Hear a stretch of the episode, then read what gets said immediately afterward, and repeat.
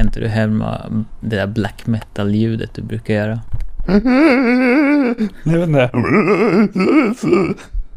Nej men du brukar låta såhär.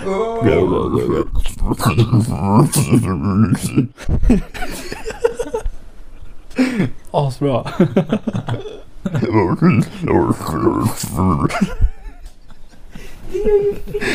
här du gör.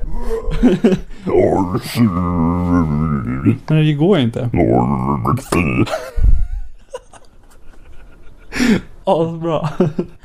Har du samplat det någon gång? Nej, jag har ingen mikrofon. Jag kan ju sampla från podcasten. Asbra. Ja, kul.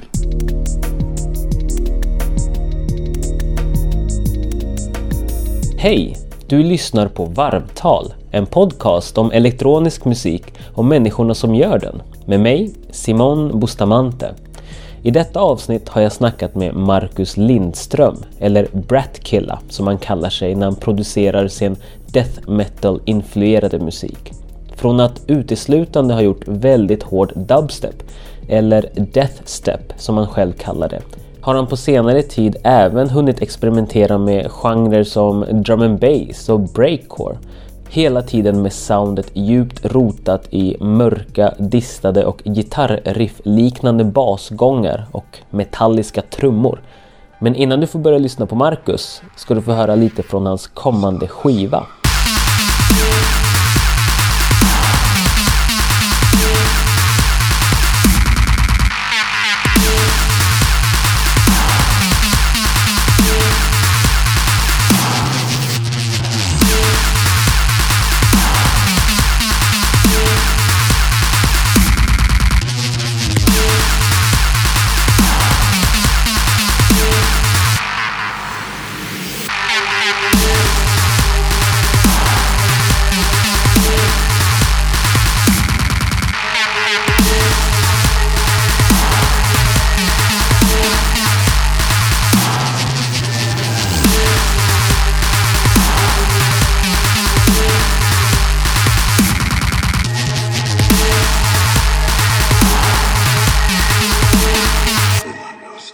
Jag började bli intresserad av musik när jag var sju år kanske.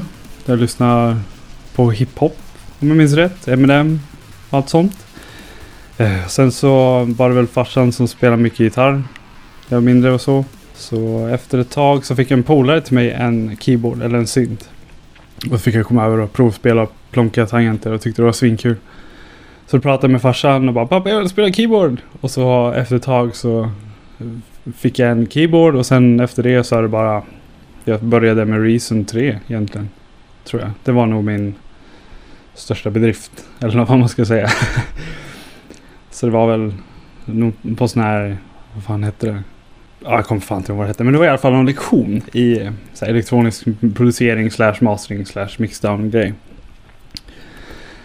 Så då var det en gång i veckan. Och det var den största höjdpunkten på gymnasiet tror jag. Så man får sitta och plonka och leka med loopar och allt möjligt skit. Så det var schysst. Men när var det du började producera elektronisk musik? Ja, först var det på skoj. Då var det väl 15 tror jag. Ja, i början första året på gymnasiet. Så var det... För, efter första terminen så fick vi börja på den här lektionen då. Och sen så var det en polare till mig som bara, ja men... eh, Prova Reason typ. Så fick jag en skiva av han. Han bara, prova det här. Och jag bara, woo! Asnice. sen dess så var det mest på skoj men sen efter ett tag så bara nej men fan det här är det jag vill göra liksom. För då istället för att bara kunna spela ett instrument så kunde du lägga på en hel jävla orkester om du ville. Så det var det jag tyckte var det mest lockande tror jag. Även fast det mest var på skoj, vad var det för typ av elektronisk musik? Först så var det väl någon så här random blippeliblopp. jag vet inte. Men sen så, så blev det så här, ja, men jag lyssnade mycket på hardcore techno, hardstyle och sånt där. Så jag bara, ah, nej men jag provar att göra hardcore. Så det, hela den här Bratkilla grejen var ju först med att jag gjorde just hardcore. Så jag gjorde väl kanske tio hela låtar tror jag. Och sen så var det Nicke och de från Södertälje Massive som bara, ja ah, men dubstep. Jaha, vad är det för någonting? Och så introducerade han mig till det först så jag fattade ingenting. Bara, vad är det här? Det går ju för sakta, det är ingen power liksom. Och sen så visade han mig eh, Borgore Guided Relaxation. Den, då var det så här, då, det här ska jag göra liksom. Det, är- det är min grej, typ. Fett metal.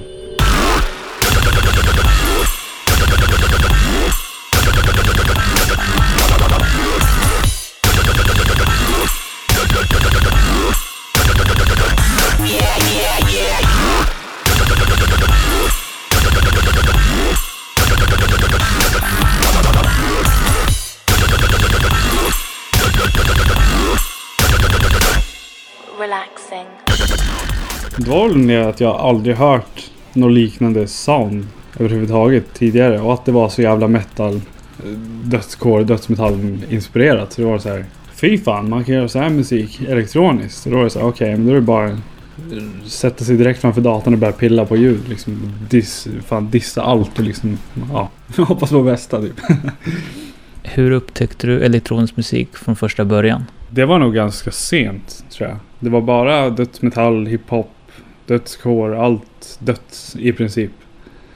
En, ända upp till 14 kanske. Så var det en polare till mig som lyssnade på hardcore som bara, men checka in det här liksom. Jag bara, Nej men det här är schysst. Det är fortfarande hårt, det går snabbt och det är distat. Då var det så, ja men det är, det är nice. det är väl att det är så jävla aggressivt. Det är så mycket power. Det är så mycket det, typ, det blir som en powerkänsla. Det är så liksom aggressivitet. Det är liksom fuck allt. Bara kör. Skit i allt. Bara dista allt och gör en liten melodi så det är svinbra liksom. typ. så det är väl det som... Jag menar allt jag gör är ju liksom dist. Alltså jag kan inte göra en synt utan att lägga på en dist. För att det är så här, det känns inte rätt. Det känns så naket. Dist är liksom en annan hälft av mig själv typ. typ. Jag läste bland annat ett citat där du säger jag gör låtar istället för att slå folk på käften. Ja, alltså det är ju så. Det är liksom... För jag har så mycket aggressivitet mot världen. Alla... Jag tar ut min aggressivitet på allt jag inte tycker om. Genom en distad synt i princip. Eller en kick. Vad gör dig arg? Det är ganska mycket. Världsledare. Att folk blir pissade på i samhället. Att en del blir liksom utvalda av bättre folk. Och att folk skiter i att... Ja, att, jag menar... Ser jag någon som är... Som inte har några pengar eller som bara är fan fett hungrig liksom. Det är klart jag ger. Liksom, var förra vintern så var det träffade på en snubbe. Så han var skithörlig, så här hemlös, gammal alkis och jag vet inte, drogmissbrukare. Det var liksom, ja men här, ta den här kolan, här har du min, nu går du och käkar någonting. Och det är liksom common sense för mig. Och sen ser jag att bara folk bara går förbi och ignorerar allt. Och det är så här, det är bara, det klickar, det, min hjärna är så här, men varför, Ha, hur fan fun, hur fungerar det här liksom? Har du samvete och bara, nej men fuck det här, jag har mitt jobb liksom. Orättvisa. Det är väl det. Det är liksom rubriken. Orättvisa. Det är liksom det. Som gör mig mest förbannad. Men på ett sätt så är det ju bra. För jag menar, då motiverar det mig till att göra ny musik. Så det är väl typ. Det är som en ond och god cirkel. Vart kommer den här, vad kan man säga, rättvisepatosen ifrån? Morsan. För hon har lärt mig allt i princip. Alltså. Vad som är rätt och fel. Att man måste ha egna åsikter. Att man ska respektera andra. Man ska. Man ska vara givmild. Visa respekt. Jag menar, det är som. Det är som en jävla kod i huvudet. Som inte går att knäcka typ. Så det bara, det bara är så. Jag menar, jag, man, jag kan få dåligt samvete för det minsta lilla liksom. Eller känna fan, måste göra någonting. Men sen är det så här, fan, jag kan inte. Typ. Så det, ja allt är väl för morsan egentligen. Vad tycker morsan om din musik? Hon älskar den. Hon har alltid varit så här svin supporter. Hon är den största fanet slash supportern ever. Jag menar. Ända så jag började bara åh, fan ska du inte bränna den låten på en skiva för att höra den där diska liksom. så det är svinkul. Och sen har farsan också för han, han har inte varit så här jättepeppad på den musiken jag gör. Men jag fick nog mess för- förra året någon gång. Så ah, fan lyssna på din nya EP på Spotify. Så här, svinbra. Man bara okej, nice. Varför namnet Bratkilla? Har du sett My Super Sweet 16? Ja, det är typ svaret. jag hatar bortskämda skitungar och äldre människor för den delen. Ja, ja men det är liksom all det här, hela det här få allting serverat konceptet som är så här. Minns du det avsnittet du såg? Eller vem personen var eller någon speciell scen som fick dig att reagera? Ja, det var när, eh, vad fan hette hon? Ja, det var någon tjej som hade fått en sprillans ny bil av sin, sina föräldrar. Så var det fel färg. Så hon fick damp och bara nej men jag förstör hela min födelsedag. Alla kan dra åt helvete. Och sen så fixar föräldrarna färgen. Så de byter bil. Och det är så här, wow. Happy birthday!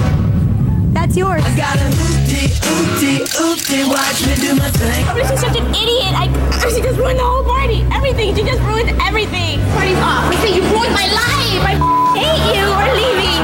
The party's off. 16. Jag vill ju slå sönder tvn. det var verkligen... Finns det sådana här människor? Jag menar...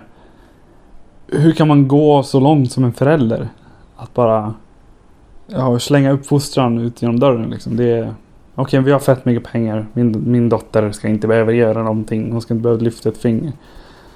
Men tänk om de blir panka. Så bara, hopp. Nu är ungen 35 och bara, "Jaha, vad är det för utbildning? typ. Har du jobbat tidigare? Ja, då har du kört. Så det är väl mest för hennes egen skull att hon ska utbilda sig.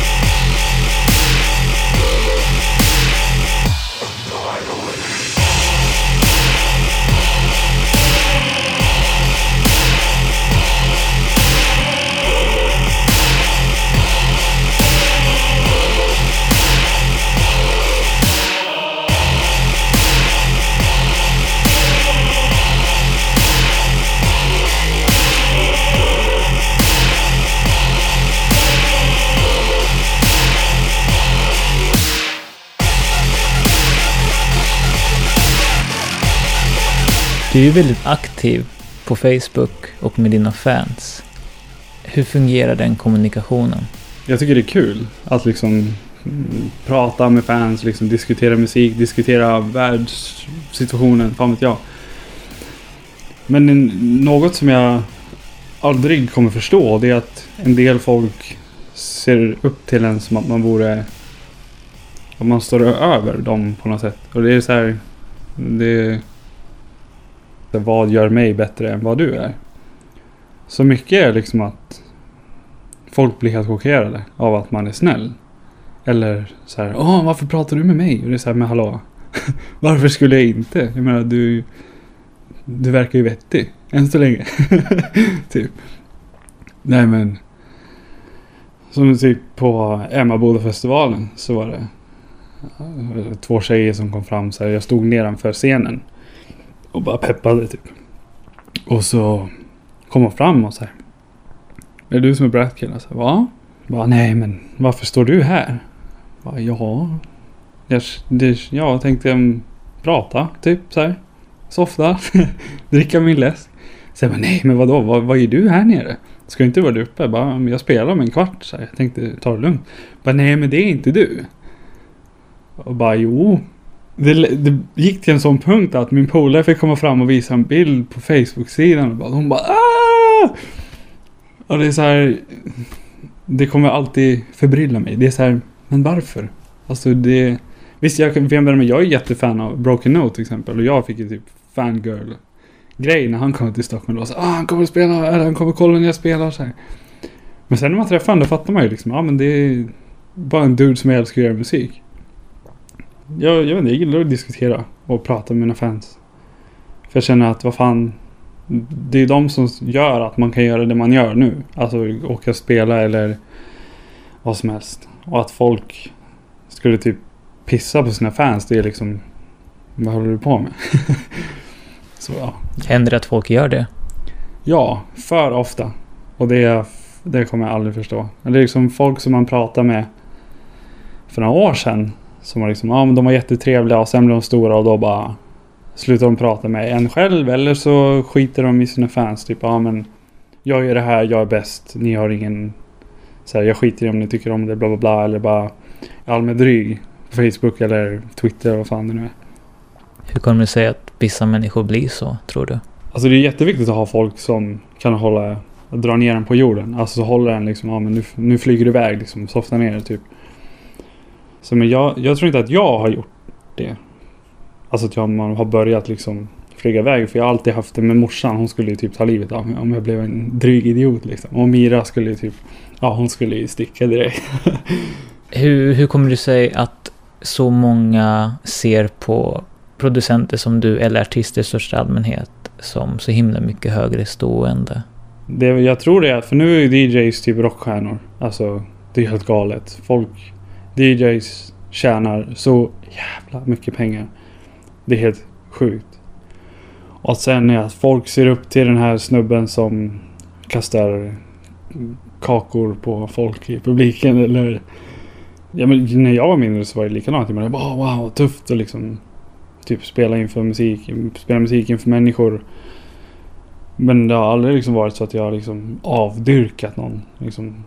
Har du inte haft någon riktig liksom idol som du verkligen har dyrkat ens när du var ung? Ja, Slipknot. Typ. Men det var, det var när man var liten.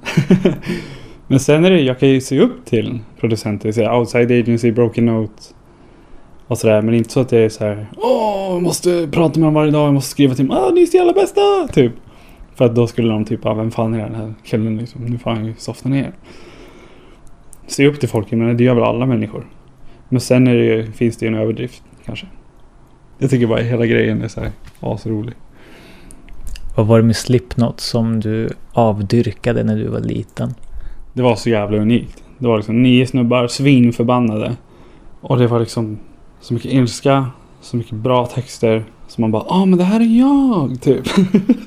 Vad var det med texterna som var du? Ja, men det typ, vad fan heter den där låten?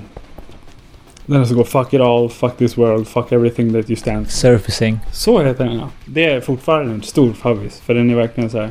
När jag var förbannad på någon, då var det den rakt i den här Walkman CD-spelaren och bara glider runt och bara nej fy fan. Bara kör repeat hela tiden. Jag tyckte den var så jävla... Det var argt och det var förbannat och det var bra och det var... Man kunde liksom känna sig som att man var med i texten. Typ.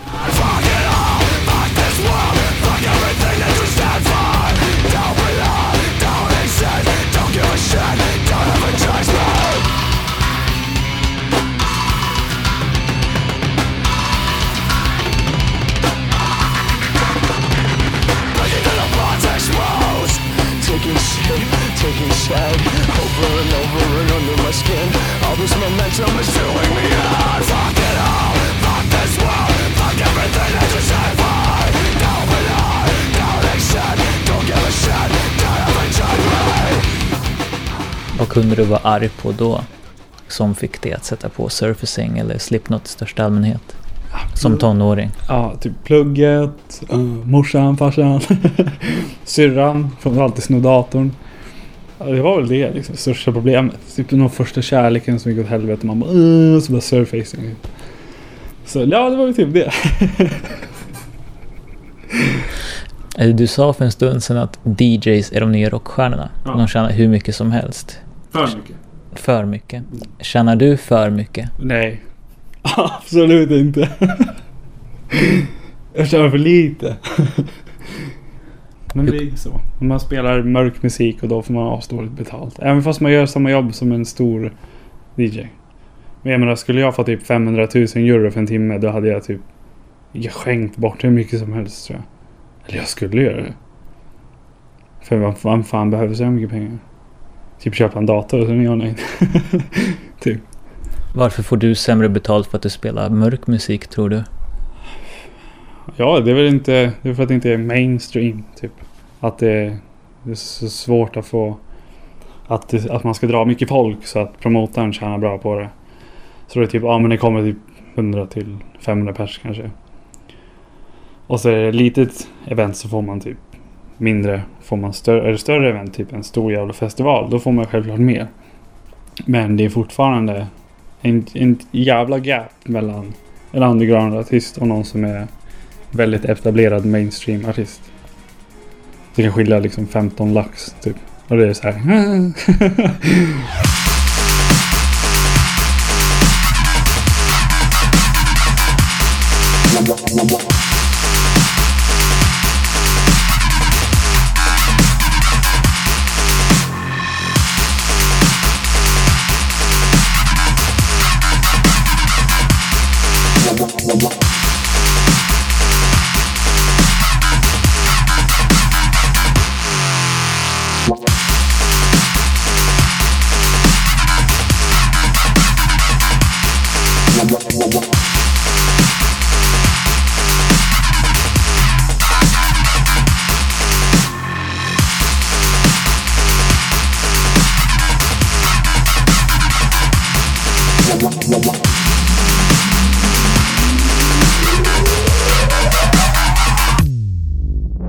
mycket är du ute och spelar? Alltså sommaren brukar vara så här. Nej, det, det är ingen gig-säsong så. Det är mest festivaler. Och eftersom man inte spelar Big Room House eller House Techno. Så blir det att man sitter hemma och spelar tv-spel och önskar att man hade ett jobb. Sen på hösten, som nu i september, så brukar det droppa in lite mail som man blir glad av. Och så bara, ja, men nu kan jag spela en gång i månaden. Då är hyran klar, det är mat och det är... Och så kommer sommaren och bara, fan jag ska ta ett jobb. Typ. Men det är fan ingen rolig... Alltså det är ett roligt jobb på ett sätt. Men det är ett för jävligt jobb när det går åt helvete. Det är såhär, ja men du åker på ett gig. Och så bara, nej men vi kan inte betala det. Och då bara, hopp. Men jag har hyra, typ. Mat, hallå. och jag menar, vi pratar inte så här jättemycket pengar heller. Så det jag förstår verkligen inte det där. Hur ofta har det hänt? Jag tror det är en gång som det var riktigt så här. Okej, what the fuck liksom. Då var det... Jag tror det var... Vad var det? Budapest tror jag. Då var det någon klubb. Som hade bokat mig och jag skulle få si och så mycket. Och så... Så hade jag inte fått pengarna dagen efter. Och jag brukar få det typ direkt efter giget liksom. Och så åkte vi till flygplatsen och jag frågade så här. Han var pengarna? Ja ah, just det pengarna. Och så bara hade de på att glömma det. Vi var så här 15 minuter på väg mot, alltså ifrån flygplatsen. Och det var ganska nära så det var ju soft. Så han sprang, och tog bilen fort som fan hem till sin polare, hämtade pengarna. Och så kommer jag till flygplatsen och så ger han mig ett kuvert och så är det 15% av vad vi hade kommit överens om. Och det är så här. Okej, men vi hade kommit överens om så här mycket pengar. Om inte du betalar inom en vecka så, så kommer vi att typ göra så att du inte kan boka någon artist. Ever. För då kommer det liksom put you on blast eller vad fan man säger. Så Svartlista typ. Ja, i princip. Så liksom då skulle jag berätta för alla. Men om de här försöker boka er så är bara säga nej. För att de kommer inte betala er. Men sen så direkt efter ringer min manager, eller dåvarande manager och bara ja men eh, de har inte betalat. Du får fixa det. Så hon skickade ett argt jävla mail till dem. Och sen så fem dagar efter så hade pengar på kontot. Så det var så yes. Är det vanligt i den branschen? Ja, för vanligt. Speciellt så här oetablerade artister. För menar, då var man inte så här wow jättestor eller för att man är stor nu men min, då var man mindre. Och då, var, då, då har de ju lättare för det att, alltså lättare att utnyttja new up and comers eller vad man ska säga. För, ja men de kan inte göra någonting. Jag menar skulle du boka Tiesto och de inte får pengar. Alltså det är stämning, det är domstol och det är allt möjligt skit. Så det kan man inte göra. Men det du kan göra det är väl typ att göra något litet kontrakt. Och då är det liksom...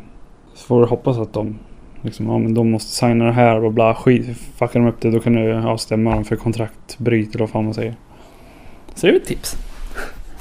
Du snackade om att somrarna brukar vara ganska så här låg säsong. Men du hade ju ändå ett gig på Emmaboda-festivalen. Kan du Ja. berätta lite om det? Ja, det var nog det vackraste jag sett på alla mina år. För det var verkligen, jag var svinnervös. Det var liksom första stora giget i Sverige. På en alltså en etablerad festival. Och man skulle spela hård jävla musik. Och liksom crossbreed och till och med avrunda med en breakcore-låt till exempel. Så först var det liksom, jag trodde, ja men 200 pers liksom, första. Jag var liksom öppningen på hela festivalen. Så jag var så här, jag vet inte fan hur de ska reagera. Men sen så första låtarna var det som en liten warm-up, 110 bpm typ. Och sen så bara, nej men nu kör jag den här dubstepen då. Så är det en ny låt från albumet som jag spelade och det var så magiskt när man såg liksom, de körde värsta circle pitten och bara skrek och det var så här. Fan vad sjukt. Och det gick liksom från 50, ah, 50, 100 pers var det kanske. Först när jag startade första låten. Det var fyllt efter fem minuter. För Mira filmade allting. Gigga och min polare filmade också. Och det var jag först efteråt när jag såg videon. Då var det så här. Fan vad mycket folk. Det var så här, ah, typ gråta för att det var så jävla vackert liksom.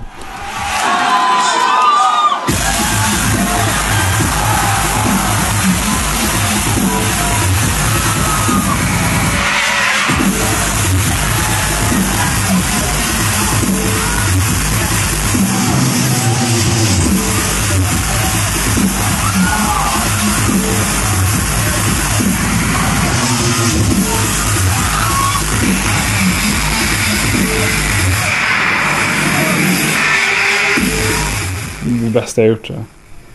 Och speciellt att de uppskattade varenda låt man spelade. Till och med att de gick berserk när man spelade eget.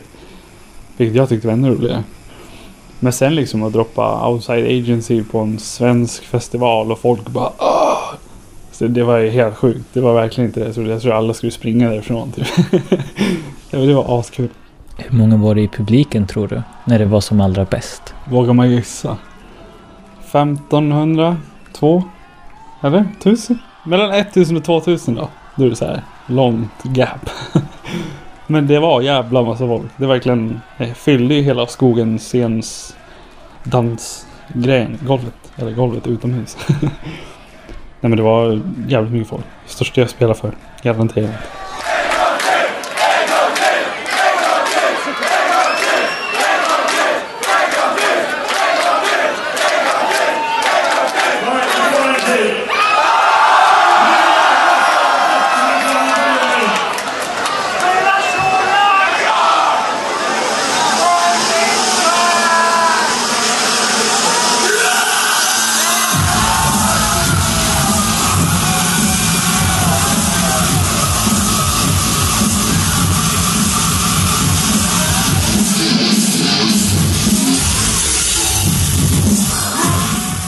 Berätta om din värsta upplevelse när du ska iväg till ett gig.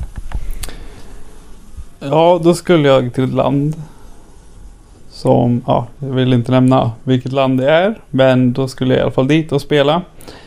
Och så var jag... Hade fått biljetten dit. Typ dagen innan. Så det var väldigt stressigt. Och jag var noob. Så jag fattade inte att man skulle ha visum eller något sånt. Jag tänkte, ja men EU eller fan vet jag liksom. Det är väl samma regler överallt tänkte jag. och så åker jag dit.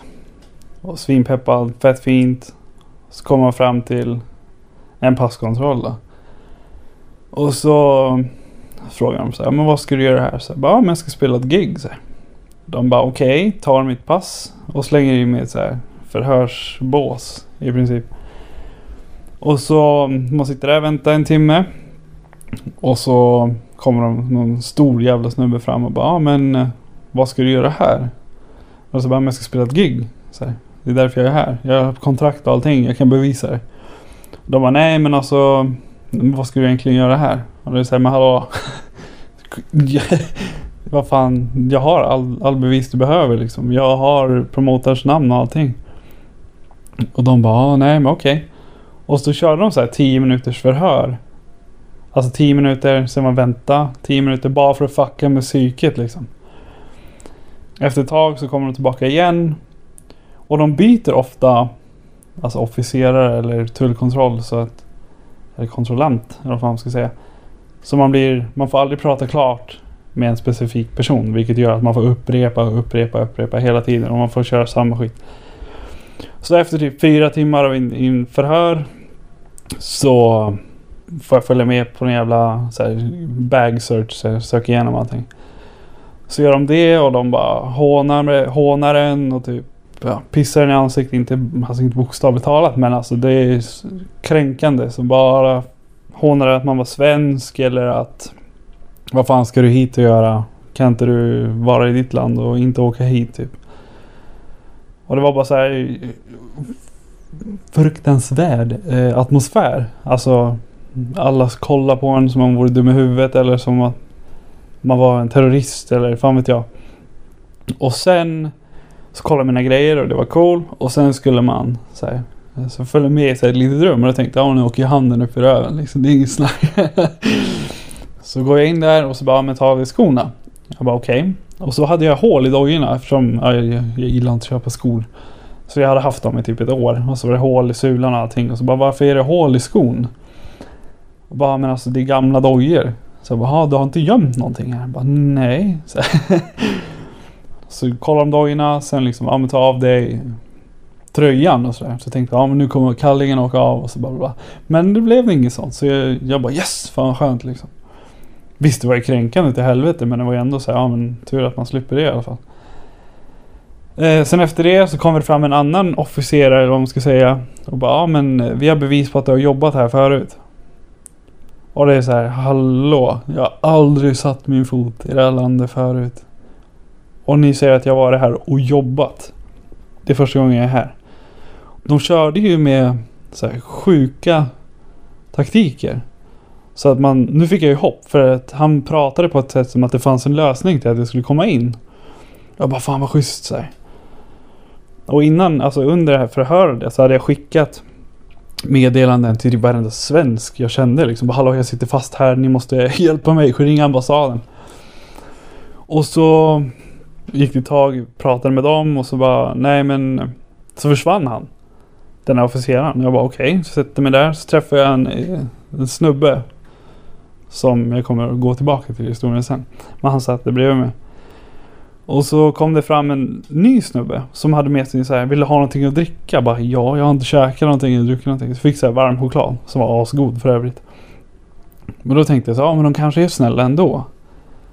Men sen efter det så kommer det två nya snubbar och bara ja, men eh, följ med här du ska få sova tänkte jag så här. Vi har fixat en flygbiljett till dig hem fem på morgonen. Jag tänkte okej men då får jag sova borta här liksom. Men jag måste ändå få tag i morsan eller någon liksom. Och så mm, åkte vi dit. Åkte vi igenom så här flygplats security grej. Jag vet inte fan vad det var. Sitter i en sån här fängelsebil typ. Med så här galler och skit. Och så och kommer vi till ett ställe som ser ut som att ja, ingen har städat det på typ 50 år liksom. Hur såg det ut på det stället då? Alltså tänk dig som en... Så, jag vet inte hur fan man ska förklara. Det var tvåvånings... Det var som en fyrkant bara. Och så var det galler runt. Med typ en stor buss kommer jag ihåg att det var. Och så var det en massa officerare utanför som rökte. Och sen när man kom in så var det som en korridor. Så vänster sida så var det någon så här, de chillar eller pratar, jag vet inte vad de höll på med. Sen så kunde man gå upp, tror jag. Och där var alla cellerna men Och de hade liksom dividerat upp folket per etnicitet. Så det var liksom si och så människor där, si och så människor där. Och sen var det jag. Och så blev jag uppskickad till min cell. Och jag tänkte så här, ni kan ju inte behandla mig så här. Nej men jag har inte gjort något olagligt. Jag, liksom, jag har sagt varför jag ska komma hit. Och ni tror inte på mig. Och under tiden som det här händer så försöker mor, har morsan pratat med min syrras kille. Och bara, ja men eh, så här, pr- prata med svenska ambassaden. Men de har försökt få tag på mig där. Men de visste inte var jag var någonstans. Men de har ju förnekat att jag ens var på planet. Men det, det kommer jag reda, fick jag reda på när jag kom hem. Men i alla fall så blev jag inskickad i, min, i, i cellen. Och då var det som... Det bara stank död. Som att... Som att all ens frihet eller vad man ska säga. Det bara... Bara skitdålig energi. Och så träffade jag den här snubben som jag mötte. Vid förhörsrummet eller vad man ska säga. Och han var tydligen så här fotbollsspelare. Så här, professionell fotbollsspelare. Så vi började snacka. Så här, Vad jobbar du med? Så jag fotbollsspelare. Jag Bara, musiker och allt möjligt. Ja, så hade vi typ kul. Eller prata liksom. För det var han som kunde snacka engelska. De andra var från något annat land och de kunde inte engelska. De har suttit där i flera veckor alltså. Helt sjukt. Efter ett tag så får jag ett samtal och då är det ambassaden. Svenska ambassaden. Jag bara bryter ihop och bara ah, det- Alltså det var det bästa samtalet jag haft i hela mitt liv tror jag. Alltså det var allting bara släppt och man bara grät som man vore två år liksom. Sen eh, så slet de luren. De bara tog luren och slängde på. Jag bara hallå jag, jag pratade. Så jag har mina rättigheter och bara skrek. Så här, ni kan inte behandla mig så här. Jag har fan rättigheter. Och sen så, ja men gå till cellen din jävla svenne liksom. Jag bara, ah, fuck it. Sen tänkte jag liksom, ja men nu kan jag vara en fitta för nu vet ambassaden att jag är här. Så händer det någonting så kommer UD dampa och liksom, ja det kommer bli värsta jävla grejen utav det. Sen så försökte jag sova och då rummet såg ut som, ja men det är typ två våningssängar, en våningssäng på vänster sida, två våningssängar på höger sida och en precis vid dörren. Och så till vänster, längst in till vänster så finns det en dusch som var så igenmöglad. Alltså det var som en film. Och så är det en toa som inte finns någon lampa. Som alla delar på. Det gick typ inte att spola överhuvudtaget. Hur många var ni i cellen? Det var fem totalt tror jag. Det var jag, fotbollsspelaren och så var det två från Chile tror jag. Och så någon från typ Portugal eller Spanien. Så försökte sova. Och det gick inte alls. För man låg och stirrade och bara fan det här är inte sant liksom. Och så efter ett tag så ringer ambassaden igen tror jag. Och de säger så ja men vi så sa ni får fan hjälpa mig härifrån. Det här, det här funkar inte. Jag höll på att bryta ihop. Jag är ju psykiskt jävla vakt just nu. Och liksom jag har fått käka någonting. De serverar en macka som de typ doppat i disk cool liksom. De, de, de, gammal disk som bara doppar mackan i. Jag bara, ja det gick inte att äta överhuvudtaget. Och så efter ett tag så ringde morsan då. Okej nu måste jag visa att jag inte är helt paj. Så att hon typ dör av ångest liksom eller oro. Så jag bara, ja, men det är lugnt. Planet går om fem timmar ungefär. Så jag ska försöka sova nu och får vi se om eh, man kommer härifrån. Och så under natten när man försöker sova så kommer de in med ficklampa och lyser.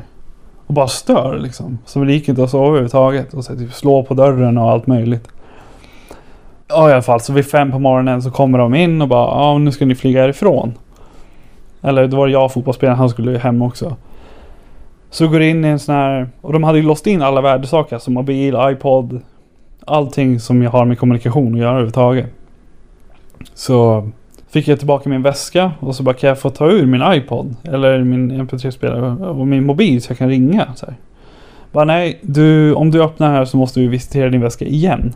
Och då bara, ja ja, satte mig i bilen, så bara skönt att äntligen komma härifrån. Och så ska vi gå av. Där, då körde de direkt till planet. Så går vi av bilen säger då fotbollsspelaren. Så går de bredvid mig så här. Och säger den ena till mig bara för att jävla sig. Jag tror, jag tror du kan få med dig väskan som handbagage. Så låter han mig gå först. Upp mot planen så skriker den andra killen stanna. Och jag, jag höll nu kommer jag dö eller någonting. så jag släpper väskan och bara ah shit. Och de bara nej men du kan inte ta med dig den där. Och då, tänkte, då fick jag bara lämna den och bara gå upp. Och jag tänkte, ja men tänker de inte ens ta med väskan överhuvudtaget? Där har jag allting. Så jag bara, ah, men fuck it. Jag vill bara komma in till Mm, Europa så är det lugnt. Och sen eh, sätter jag mig på planet. Sen flyger jag hem och så möts jag upp av eh, min kära mormor. Som bara, okej. Så men när jag landade var det ingenting. Jag var inte chockerad så. Jag fattade inte vad jag varit med om överhuvudtaget. Så bara, ah, skönt att vara hemma liksom. Så kör de mig hela vägen hem till Nykvarn. Där morsan bor. Och så hade hon och syrran gjort i ordning så här. Potatisgratäng med fläskfilé och Dr. Pepper-flarra. Så kom jag hem och så snackade jag lite och käkade sen typ. Så en dag efter fick jag höra liksom att vad som verkligen hade hänt. För morsan hade ju redan varit orolig precis när jag gått ur dörren. Hon hade ju brutit ihop direkt. För att jag skulle till det här landet då. Eh, och sen berättade hon då att ja, men de hade ju förnekat att jag var i det landet överhuvudtaget. Att jag inte var på planet. Att de fick kämpa som fan bara för att ambassaden skulle få reda på var fan jag var någonstans. Och sen sov jag i typ två dagar i sträck. Så det, that's it typ. Hur länge ungefär var du där från att de tog dig i tullen till att de släppte iväg dig? 12, 13, 14, 15 timmar. Tror jag. Men det kändes fan som ett år alltså. det var helt sjukt. Var det här eh, första gången du åkte iväg för ett gig? Jag tror det var den andra gången jag skulle iväg. Och sen dess har man ju typ varit paranoid för här, tullkontroller och allt möjligt. Så om någon funderar på att åka till ett land utan visum så kan jag bara säga att det är lika bra att vänta tills du får visumet. För vad som helst kan gå fel. Så ja. Det är ett tips till aspiranderande människor inom musikvärlden.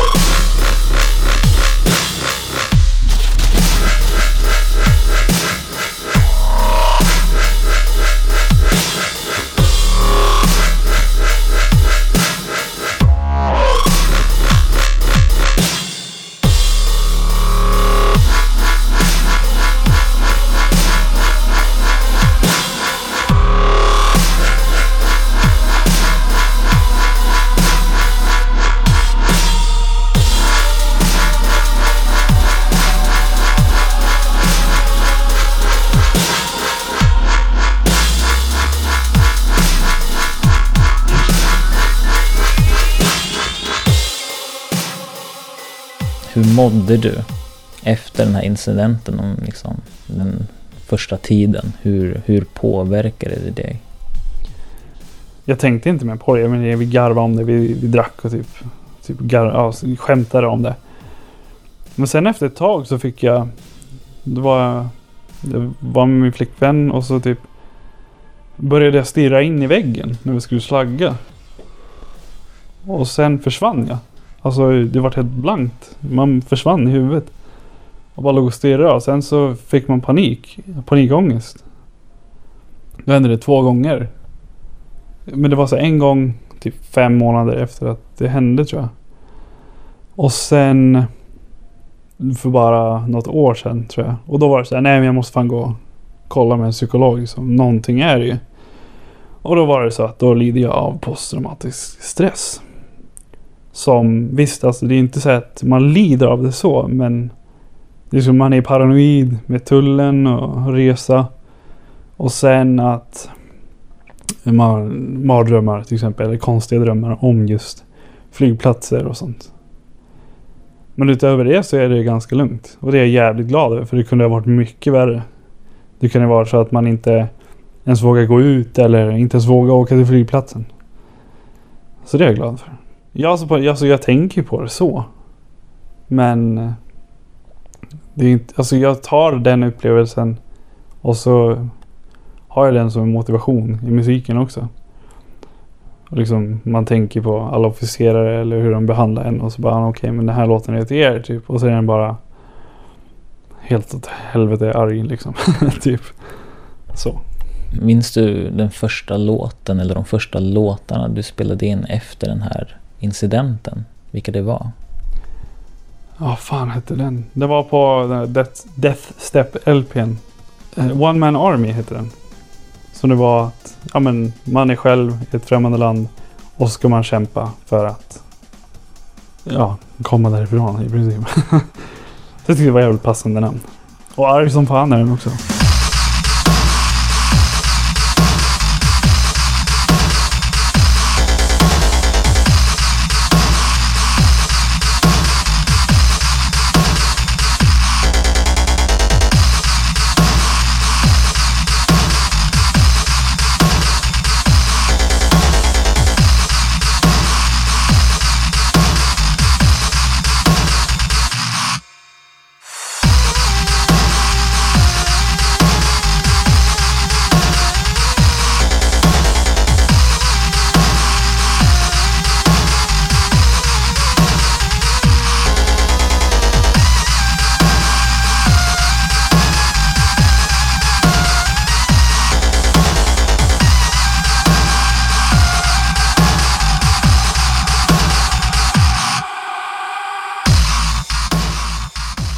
Drömmer du fortfarande mardrömmar ibland?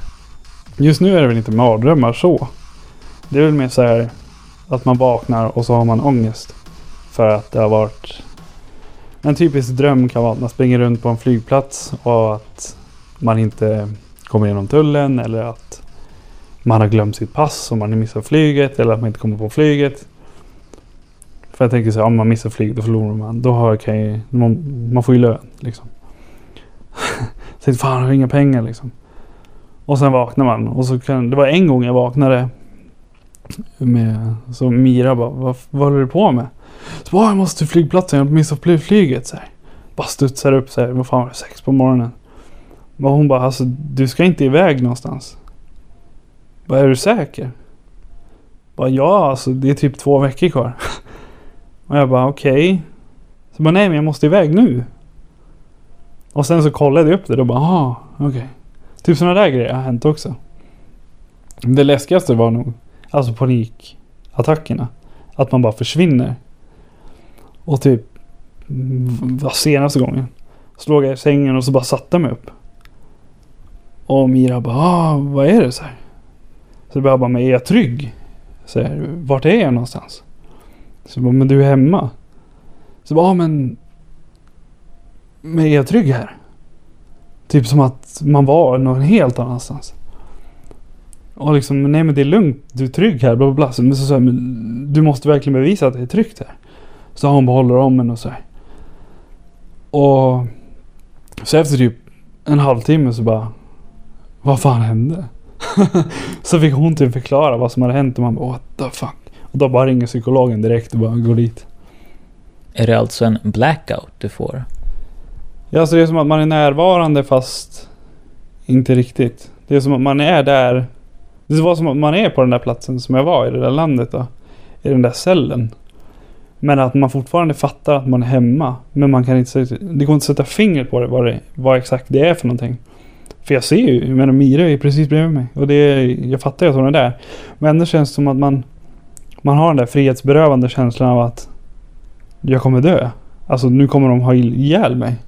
De kan ju bara köra ut mig och bara bam, nu är jag körd, nu är jag död. Ingen vet att jag är här typ. Men sen efter ett tag liksom så lägger det sig.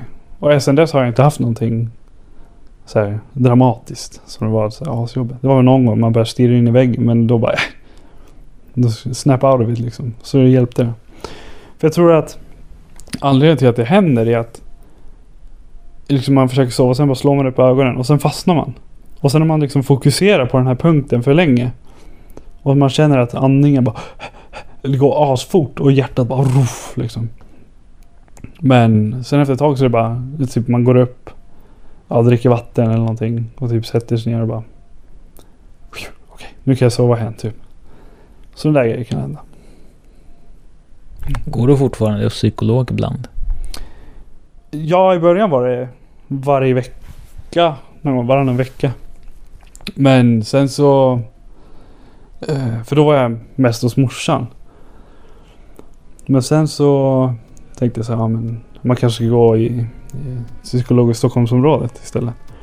Så då liksom pratade jag med han och han sa liksom, ja men då är det lika bra att du byter psykolog. Och sen dess har jag tänkt, äh, fuck it. För jag menar, det är, jag lider ju inte av det så. Så jag kan leva med det. Och på ett sätt är jag glad att det hände. För det är en jävla historia.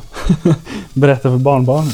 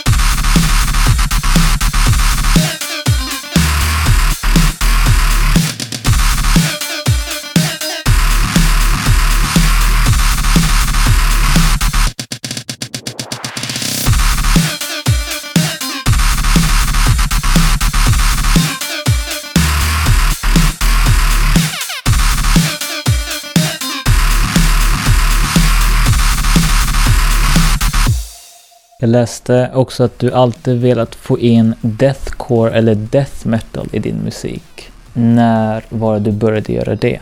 Jag försökte ju när jag var 16 år kanske. Då var det liksom att lägga till något synt som man tycker resembles a guitar, typ. Men eh, det var ju så jag slet med det där tills jag blev 18 och sen så fick jag till det här distade syntjäveln som jag ville ha. Och då var det okej, men nu har jag hittat mitt sound. Nu ska jag bara jobba på att utveckla det. Så det är det jag fortfarande gör nu och liksom hittar nytt sätt att konstruera en låt och använda si och så mycket dist eller prova nya trummor eller... Ja, så jag menar sist jag postade en låt som jag gjorde så med Sugar Tribute. Och då var det liksom att jobba med... Det var ändå 4-4 men det var så jag hade kuttat upp det helt åt helvete så det var typ... Andra droppen är ganska svår att hänga med i. Tror jag. 呵呵呵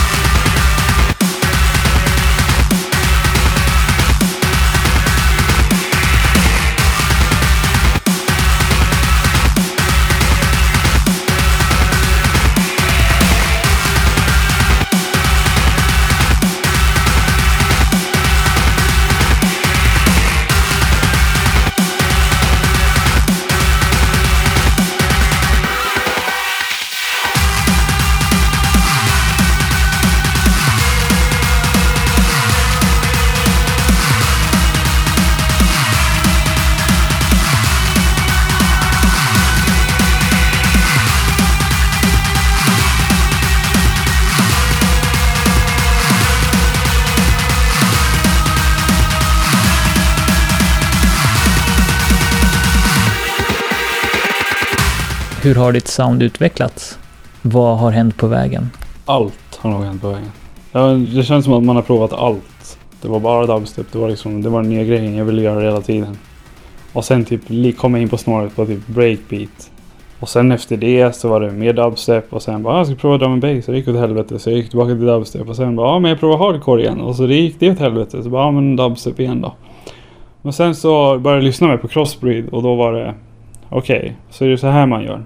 Och sen så provade jag efter ett tag och sen så la jag upp så här gratis EP liksom och folk älskade det så det var så här fan vad schysst. Typ. Och nu är det liksom släppt på Yellow Stripe och Bad Chemistry till exempel. Så det har gått för jävla bra. Måste jag säga. Jag har ju fans som bara gillar min dubstep. Jag har fans som bara gillar den här crossbreed drum and bass grejen. Så det, jag menar postar man en dubstep-låt så brukar man få mer respons eftersom det är mer ja, lättare att lyssna på kanske.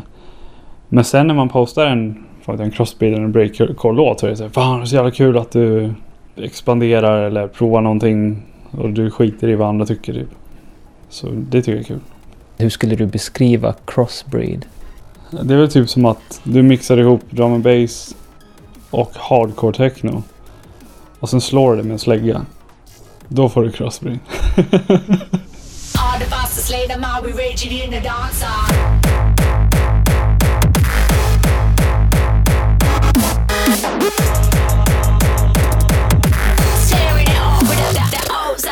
agency.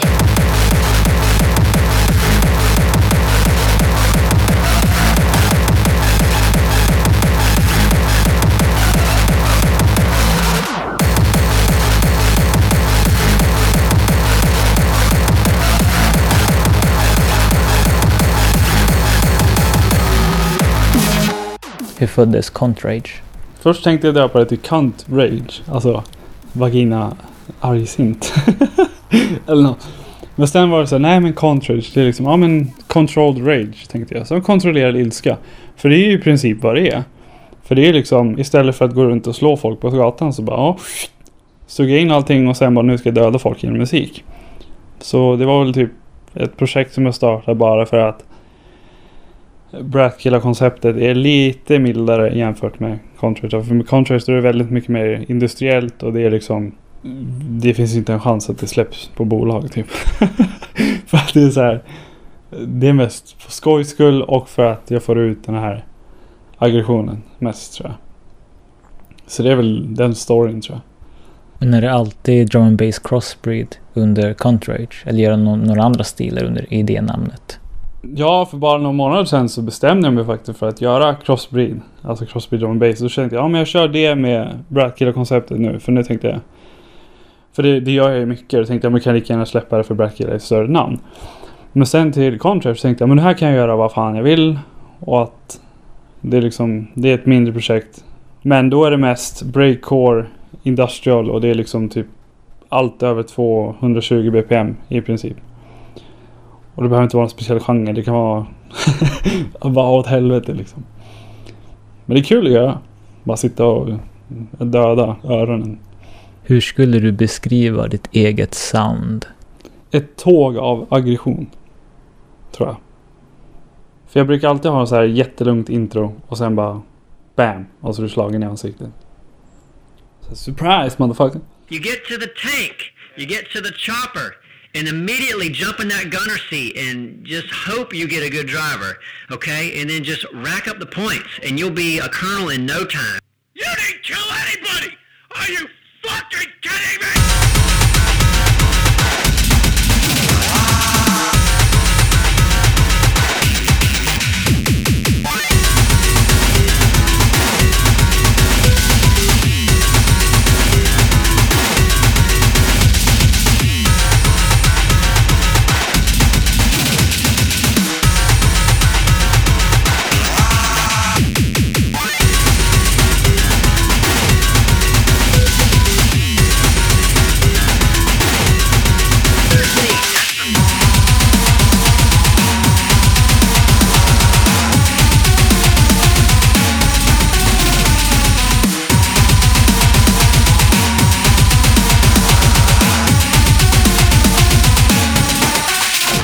Jag har typ gett upp på människorasen överhuvudtaget.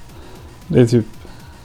Det finns några som faktiskt är vettiga, som bryr sig. Som värdesätter sina saker och inte bara nej men jag ska ha mer och mer och mer eller... Och att... Ja men det är som sagt att folk vågar göra sitt eget och att...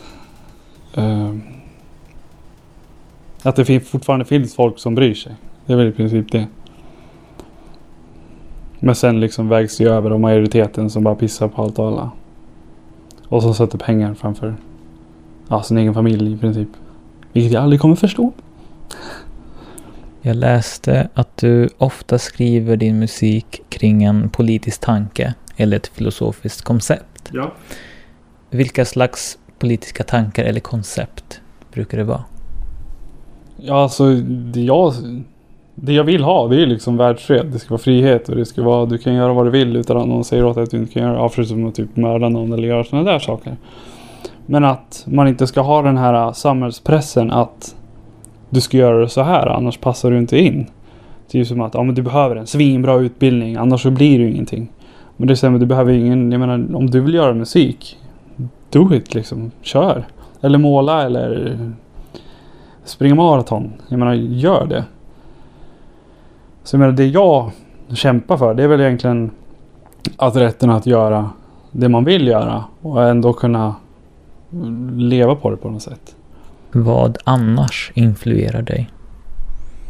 Allt som man kan bli förbannad på och sånt som man blir lite glad av. Så det är väl en liten bländ av det. Typ som givmildhet eller här, empati överhuvudtaget. Det blir man så här, ja men fan vad nice. Det, det, det blir man peppad av. Och sen blir man arg över att ja, världen ser ut som den gör idag. I princip. så ja, det är väl det. Man kan säga liksom att den gemensamma nämnaren för det all musik du gör och all musik du lyssnar på är någon sorts hårdhet eller aggressivitet. Att Ja. få ut ilska. Nej men det är ju det. Det är som terapi i princip. Så istället för att slå folk på gatan eller gå till en psykolog så är det typ nej fuck it, jag pushar ut genom musiken istället. Funkar det varje gång som terapi? Nej, för ibland blir det så här, fan.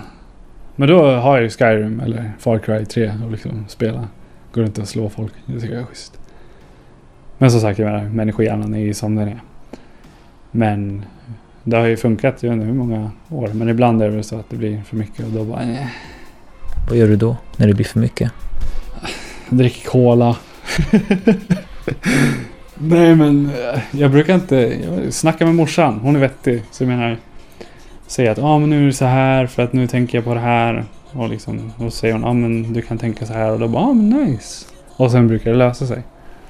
Så morsan är väl lite som en psykolog också kanske.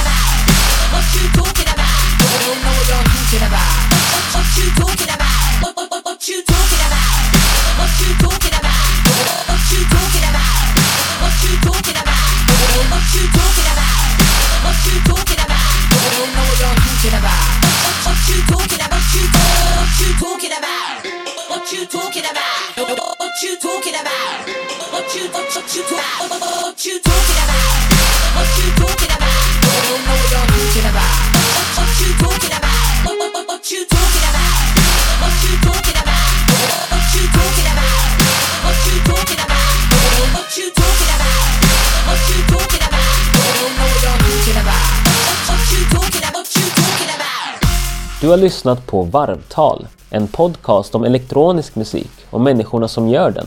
Med mig, Simon Bustamante och detta avsnitts gäst Bratkilla. För typ 666 gången tänkte jag försöka bli aktiv i sociala medier igen och förhoppningsvis inte bli sjukt uttråkad väldigt snabbt. Så nu kan du hitta mig som Meskalinisten på Instagram och Twitter. Så utöver att kunna mejla mig på simon.varvtal.se eller skriva på Facebook kan du ju även använda dig av hashtaggen varvtal om du har lust att säga något om vad du tyckte om det här eller tidigare avsnitt.